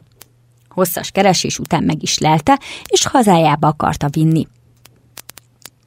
A tengerparton Joppe városánál találtak is egy szép hajót. A díszesen felravatalozott feszületet rátették, és a gáját evezők kormány legények nélkül a tengerre bocsátották. Toszkánában ért partot. Itt Luni városának kalózai akarták maguknak megkaparintani, de a hajó mindig elsiklott előlük. Végre Lukka mellett állott meg. A békesség kedvéért János, Lukka püspöke, a feszülettel talált Krisztus vérét tartalmazó edénykét átadta a Luni püspöknek, a keresztet pedig ünnepélyesen a Szent Márton templom bejáratánál lévő kápolnában helyezte el. Ez eddig a híres lukkai Volto Santo eredetének legendája. Jegyezzük meg, hogy e csodatevő feszület mását ismeretlen lombard festőnek 16. századbeli képét, ami szép művészeti múzeumunk őrzi. Természetes, hogy a Volto Santo nagy tiszteletben állott a középkorú Lukkában. Érthető az is, hogy a brokát szövéséről híres városban aranybrokát ruhába öltöztették. A hozzáfűződő legendák közül költői szépségénél fogva is legismertebb egy idős hegedősről szóló történet, amelyet sokszor meg is festettek. Lukka városában élt, öregségére nagy nyomorba jutott, mert a fiatalok már szebben énekeltek, muzsikáltak, mint ő. Senki nem törődött már vele. Ekkor elment a templomba, leült a csodatevő feszület alá, elkezdett hegedülni és énekelni az úrnak panaszolván el baját. A szobor egyik arany cipőjét vetette oda neki. Fölvette. Vidáman ment ki a templomból, de a sekrestjés elfogta, és bíró elé kísérte, aki halára ítélte. Kivégzés előtt kérte az úr segítségét, mire a hóhér karja megmerevedett, és addig nem tudta elereszteni, amíg a bíró vissza nem vonta az ítéletet. A Volto Santo ábrázolásai, amelyeken legtöbbször az öreg hegedős is megjelent, részben zarándokok, főleg pedig szövetükkel kereskedő lukkai kalmárok révén Európa szerte elterjedtek. Olyan helyeken is megismerték, ahová a Mirákulum híre már el sem jutott. Hogy a különös képet megértsék, egészen új legendát költöttek hozzá. Hosszú, szoknyaszerű öltözete miatt szakállas nőnek értelmezték. Ezt a félreértést az is elősegítette, hogy a lukkai volt a szántó még a románkor szellemének ikonográfiai gyakorlatának megfelelően Krisztust megdicsőült királyként, fején királyi koronával állítja elénk. A keresztes hadjáratok Szentföld élménye és a franciskánus passió misztika nyomán viszont a szenvedő, tövis koronás Jézust ábrázoló feszületek válnak általánossá. Így született a 15. század folyamán Kümmernis, más nyugat-európai neveken Vilgefortis Liberata, Commeria legendája. Commeria a pogány portugál király leánya volt. A keresztény hitre tért, és Krisztusnak szüzességet fogadott. Amikor atya Szicília királyához akarta férhez adni, keresztre feszített vőlengényéhez menekvésért imádkozott. Erre szakála nőtt. A kérőnek most már nem kellett. Atya erre bosszúból keresztre feszítette. A kép előtt térdeplő hegedős legendája most kissé módosul. Az öreg, aki a király kisasszonyt jó szívéről már régóta ismerte, oda ment hozzá, és vigasztalásul legszebb dalát játszott el neki.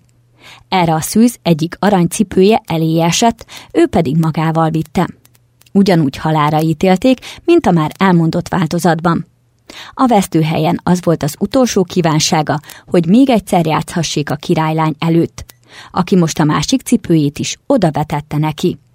A király népével együtt megtért, lánya pedig hamarosan meghalt, majd szentként tisztelték.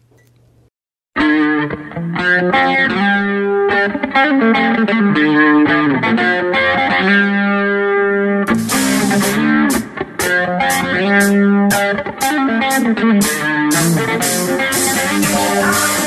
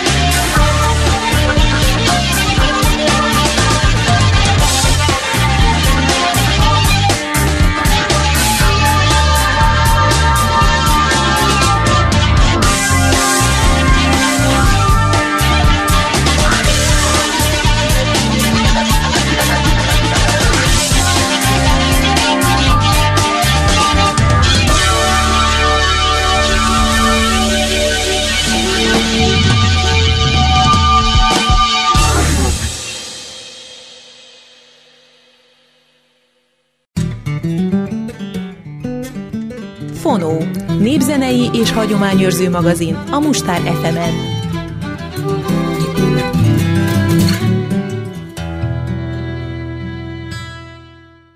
Folytatódjon tovább hagyományőrző magazinunk a Fonó jeles napok rovatunkkal. Lássuk július 21-ét, Szent Praxedis napját. Praxedis szűz Szent Potentiána nővére volt. Fivéreik Novatus és Timoteus, akiket az apostolok neveltek a hitben. A tomboló keresztény üldözések idején sok keresztényt temettek el. Javaikat a szegények között szétosztották, végül az úr 165. esztendeje táján Márkusz és Antonius alatt békében elnyugodtak. Július 22-e Szent Mária Magdolna napja. Mária Magdolna a keresztény legenda irodalomban és művészetben, a vallásos néphitben a bűnbánat megszemélyesítője már a középkortól, de még inkább az ellenreformációtól kezdve, mely lelkesen szorgalmazta a hét szentség, köztük különösen a bűnbánat kultuszát. Bűnbánó Magdolna tisztelete azonban a szentírás félreértésén alapszik. Az a bűnös asszony személy, aki könnyeivel öntözte, hajával törölgette, és szent olajjal kente meg Jézus lábát, a bűnbánó rossz hírű nő képe e származik, névtelen volt. Csak a hagyomány azonosította vele Magdolnát. János evangélista Betániai Máriáról, Lázár és Márta hugáról állítja ugyanezt. Ennek köszönhetően e három nő alak a latin egyházban a legutóbbi időkig egybeolvadt. Az igazi Mária Magdolna, helyesen Magdalai Mária, a Magdák, Magdolnák nevüket egy halászfaluról kapták, ahonnét Máriának ered. Egy megszállott, beteg asszony volt, akiből Jézus kiűzte az ördögöket, szám szerint hetet, s aki ezután Jézus állandó kísérője lett. Ott állott a kereszt alatt is, egyike volt azoknak, akik eltemették a mestert, és oly kiváltságos volt, hogy kétszeresen is tanulja lehetett a feltámadásnak. De július 22-23-ához kötődik az oroszlán havának kezdete is. A történelem hajnalán az oroszlán nem csak Afrikában volt honos. A fekete földrészen kívül Dél-Európától Indiáig mindenütt nagy számban élt. Az óriás macskát nem csak azért írtotta az ember, mert a bőrét és a nyájait féltette tőle – oroszlán tölni egykor a férfiasság próbája volt. A törzsön belüli hatalmat igénylők rituális kötelezettsége, ami a vadászmódok és fegyverek tökéletesedésével királyi passzióvá süllyedt. Így pusztult ki e királyi vad gyorsan civilizálódó eurázsiai élőhelyein. Mielőtt azonban ez bekövetkezett volna, mint a királyok állata és az állatok királya jelképpé nőtt és mivel a királyság intézményét égi eredetűnek hirdették, a királyok pedig a napfiának tekintették magukat, az aranysörényű ragadozó napjáképé lett. Mint ilyen nem csak a szakrális és profán művészetekben jutott főszerephez, hanem a közelmúlt népművészetében is. Ott is, ahol élő oroszlánt nem láttak soha. Egyiptomban a nagy istennő egyik megjelenési formája az oroszlán fejű szekmet. A háború istennője volt, de ábrázolták Íziszt is oroszlán farokkal. Oroszlán hátonáva jelenítették meg a főníciai asztartét, a hetita Arinna napistennőt és fiát Szurumát, a prüg kübelét. A brahmanista mitológiában Siva feleségének harcias alakja ekkor Durga a neve, szintén oroszlánon lovagol. Az uralkodóknak kiáró oroszlán trónus, a buddhista művészetben buddha és egyes bodhisattvák ülőhelye, ört álló, óvó, elrettentő jelképes szerepet töltött be.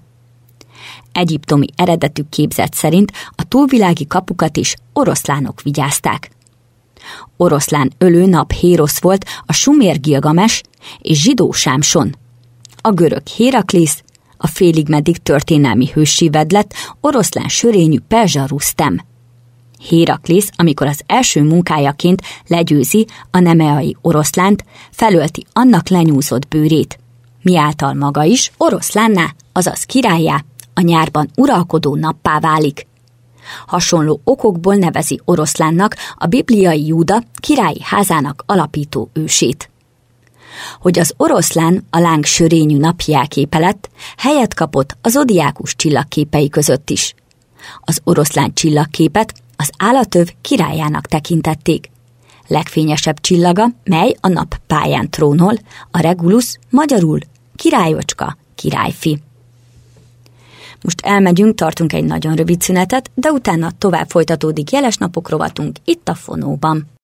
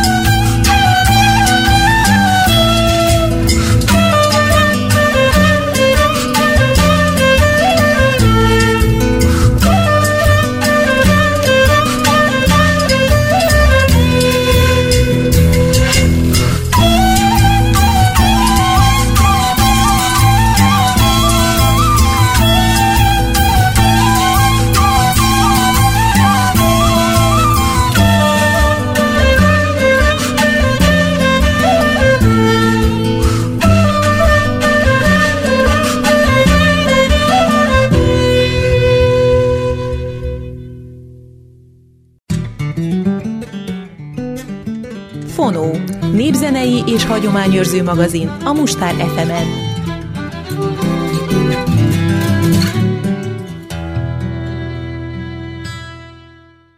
Folytatódjon tovább jeles napok rovatunk itt a Fonóban, július 23-ával, Szent Apollináris napjával. Apollináris nevét a bővelkedő és erény szavakból mondhatjuk, mint egy erényekben bővelkedőnek, vagy az Apollóból, amit csodálatosként értelmezhetünk, és a Narisból, ami annyit tesz, mint szerénység, mint egy csodálatos szerénységű férfiú. Vagy az abból, ami nélkül, a pulluóból, ami megfertőz, és az aresből, ami erény, mint egy a bűnöktől meg nem fertőzött, erényes férfiú.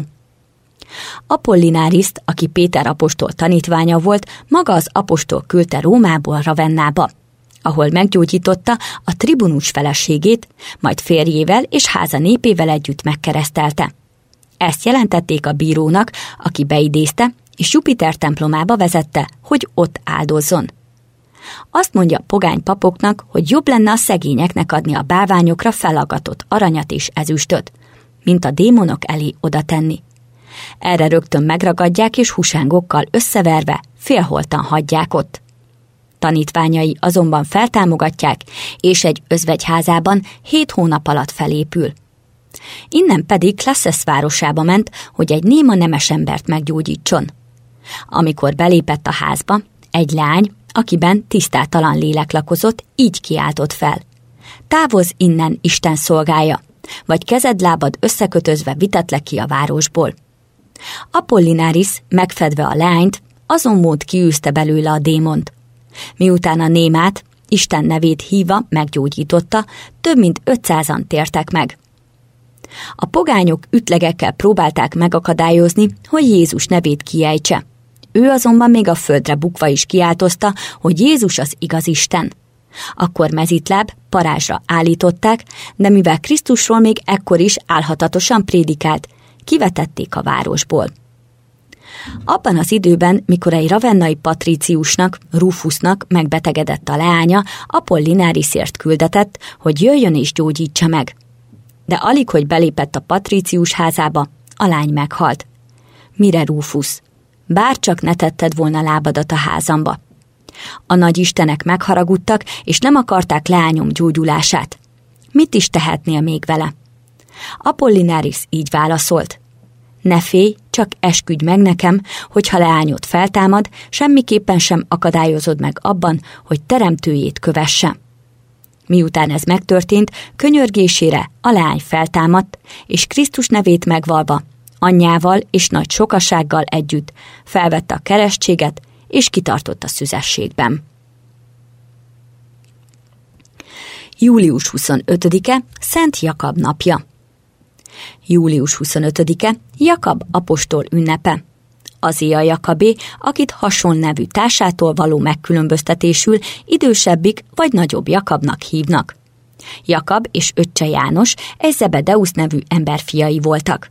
Halászok, mint András és Péter, és az első között szegődtek Jézushoz, aki a mennydörgés fiai nevet adta nekik. Jakab a tanítványok legbelsőbb köréhez tartozott. Jelen volt az Úr színe változásánál, majd az olajfák hegyén. A másik két kiválasztott Péter és János társaságában. A hagyomány szerint időszámításunk 44-ben Jeruzsálemben Heródes Agrippa nyakaszt adta le hitéért. Egy másik hagyomány szerint Hispániába ment téríteni. Az aranylegenda e két hagyományt kísérelte meg összeegyeztetni. Tanítványai egy angyal vezénylete alatt a már holt apostol tetemét kicsempészték Judeából, és a távoli spanyol hond Galícia nevű tartományába vitték. A néki tulajdonított erekjék itt, a róla elnevezett Santiago de Compostellában nyugszanak. Santiago a spanyolok nemzeti szentje lett. Sírja a középkorban a leghíresebb zarándokhely, a Szentföld és Róma után – Compostella nevének születését megőrizte egy legenda. Ez szerint elfeledett sírjának helyét a 9. században egy csillag mutatta meg. Július 25-e Szent Kristóf napja. Kristóf a 14 segítő szent egyike. A népies vallásosság talán legnépszerűbb alakja. Sosem volt személy. Legendás történetének héjából könnyen fogyasztható, kegyes tanmese hámozható ki. Magja azonban arhaikus motivumoktól hemzsegő, naptári csillagászati konstrukció. Már a tridenti zsinat szabadulni akart tőle a 16. században. Egy szent, aki óriás és kutya feje van. Semmiben sem különbözik a hátborzongató pogány istenektől. Sikertelenül. A tudós atyák joggal féltek attól, hogy kiakol bólítása a szentek aklából a jámbornép haragját vonja fejükre. Végül is csak felvilágosult korunkban tudott tőle megszabadulni az egyház. Az 1968. évi második vatikáni zsinat törölte a naptárból. Kár érte. Jelképes naptári aktualitását ma sem vesztett el egészen s ha a kalendárium szerkesztés szempontjait figyelembe vesszük, több egyetemes igazságot tudunk meg hiteltelen legendájából, mint akárhány történelmi szent, hiteles, ám csak egyháztörténeti vonatkozásban jelentős életrajzából. Élettörténetének aranyos legenda változata Kristófot Kánaánita óriásnak írja le. A pogány Kristóf igen büszke volt Dali termetére, karja erejére és úgy érezte, nem szolgálhat akárkit ilyen adottságokkal. Gazdaként kijár neki a világ leghatalmasabb uralkodója. Vándor útra kell tehát, hogy megkeresse. Első gazdája egy király, azzal okozott csalódást, hogy félt az ördögtől. Kristófnak sem kellett több, beállott az ördög szolgálatába. Az ördög viszont azzal ábrándította ki, hogy egy útmenti kereszt láttán szállt inába a bátorsága. Kristóf ekkor határozta el, hogy Krisztust fogja szolgálni. Egy remetétől kapta azt a tanácsot, hogy akkor érheti el leghamarabb a célját, egy bizonyos, veszedelmes folyón hordja viszi át az embereket. Kristóf egy éjszaka egy kisgyermeket vitt át a megáradt folyón, akit minden lépéssel nehezebbnek érzett, s közben a víz is csodák csodájára egyre magasabbra emelkedett. Amikor szerencsésen Kievickél terhével a túlpartra, a gyermek fölfedte magát, mondván ő Krisztus, és véle hordozója a világ terhét cipelte a vállain. Azt tanácsolta neki, hogy a történtek emlékezetéül ültesse el azt a száraz, datolja pálmatörzset, amit botként használt. Kristóf úgy is cselekedett, és a pálmafa, mint Áron vagy József veszélye, kihajtott és gyümölcsöt hozott. A nyugati művészet Kristófot előírásosan abban a pillanatban örökíti meg, amikor az örvénylő vízben gázolva a gyermek Jézust viszi a vállán. Most elmegyünk, tartunk egy nagyon rövid szünetet, de utána tovább folytatódik hagyományőrző magazinunk, továbbra is jeles napok rovatunkkal.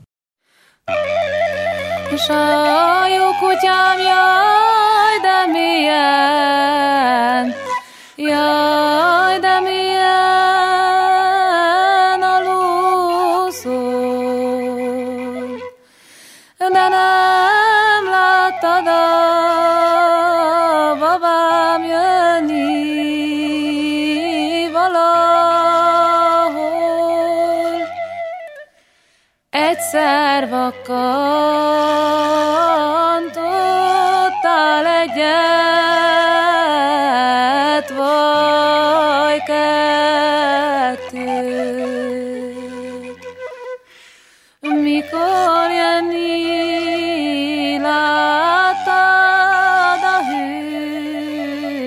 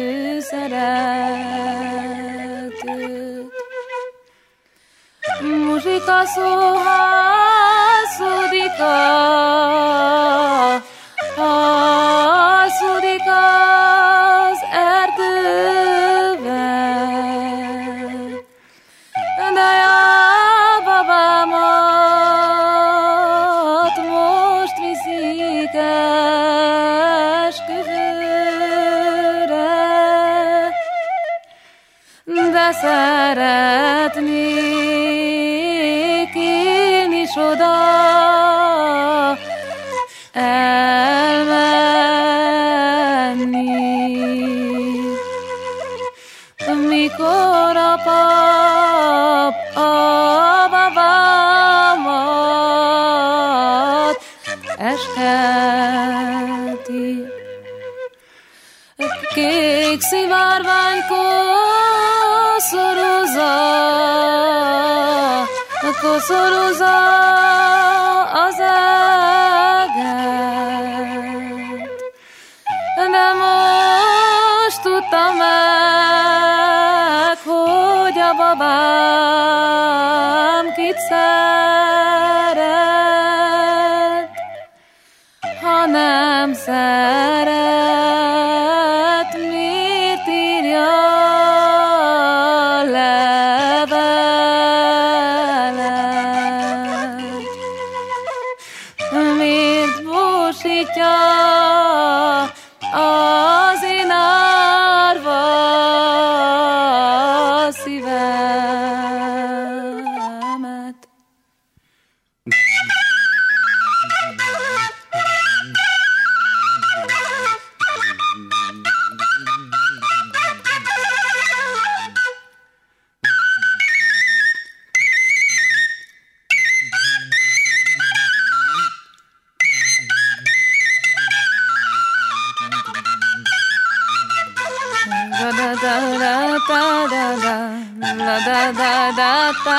da da la da da da la da da da da la da da da da la da da da da da da la da da da da da da da la da da da la da da da da la da da Ugat a kutyám a bodri, jön a szeretőm az úrfi, az úrfi.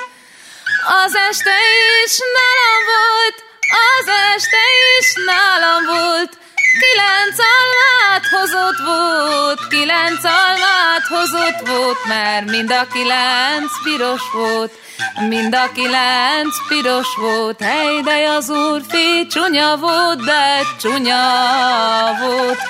Mert mind a kilenc piros volt, mind a kilenc piros volt, hely, de az úrfi csúnya volt, de csúnya volt. Ugat a kutyám a rajna, jön a szeretőm a barna, a barna. Az este is nálam volt, az este is nálam volt, kilenc almát hozott volt, kilenc almát hozott volt, mert mind a kilenc rohadt volt, mind a kilenc rohadt volt, hely, de a barna ügyes volt, de ügyes volt, mert mind a kilenc rohadt volt, mind a kilenc rohadt volt, de a barna ügyes volt, de ügyes volt.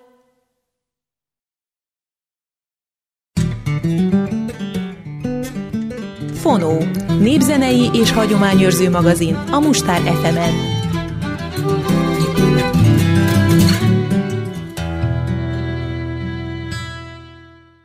Folytatódjon tovább hagyományőrző magazinunk a Fonó, továbbra is jeles napok rovatunkkal.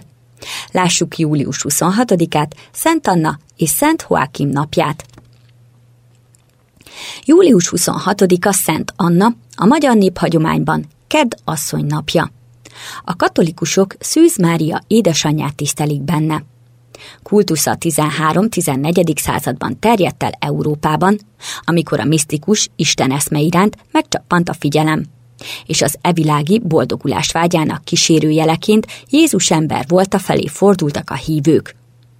Ez a szemléletváltozás a keresztes hadjáratok és zarándoklatok Szentföld élménye nyomán támadt érdeklődést is tükrözi, és megteremti a Szent Atyafiság kultuszát.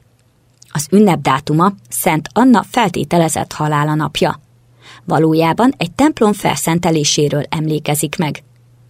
Mária állítólagos jeruzsálemi szülőházát még a negyedik században építették át templommá, és szentelték fel egy július 26-ai napon.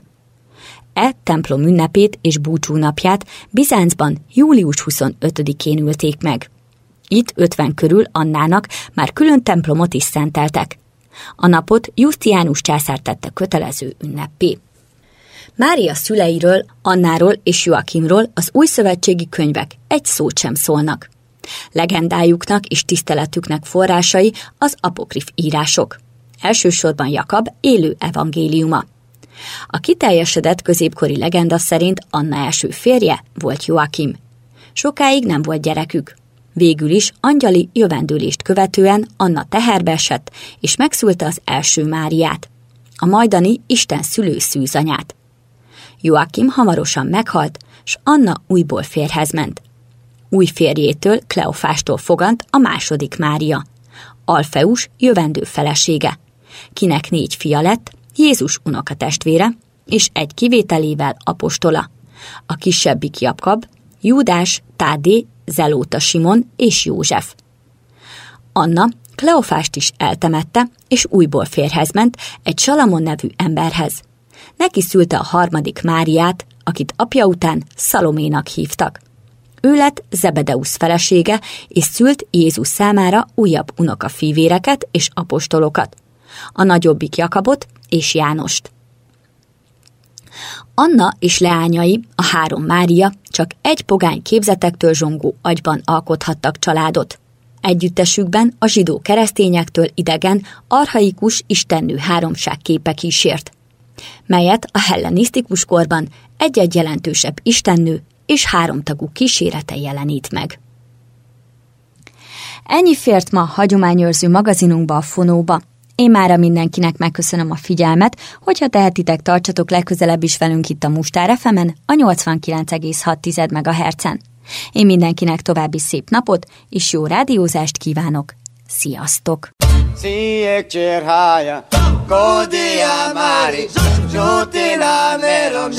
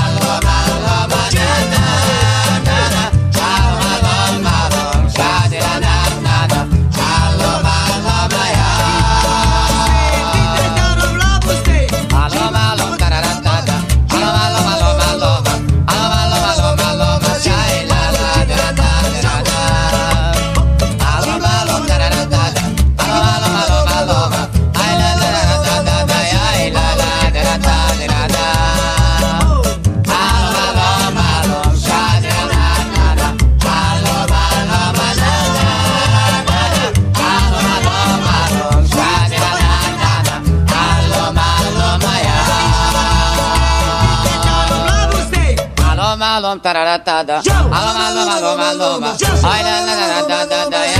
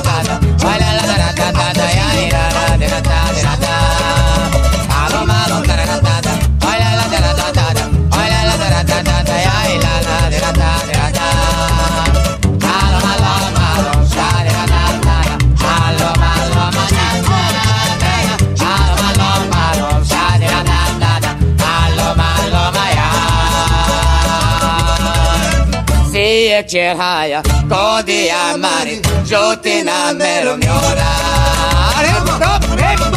Kena délesztő, Zsotin pár menne, Zsotin ingressz már Állam, állam, állam, állam,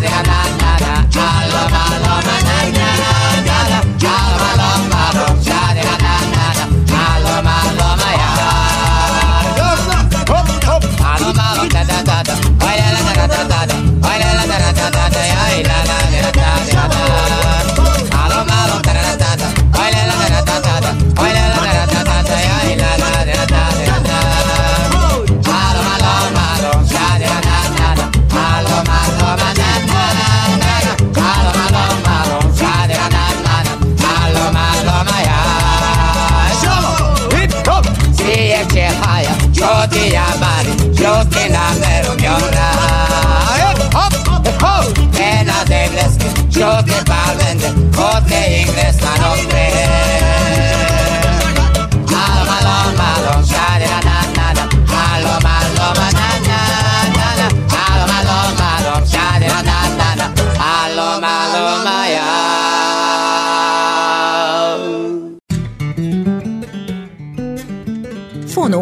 Népzenei magazinunkat hallották a 89,6 MHz-en.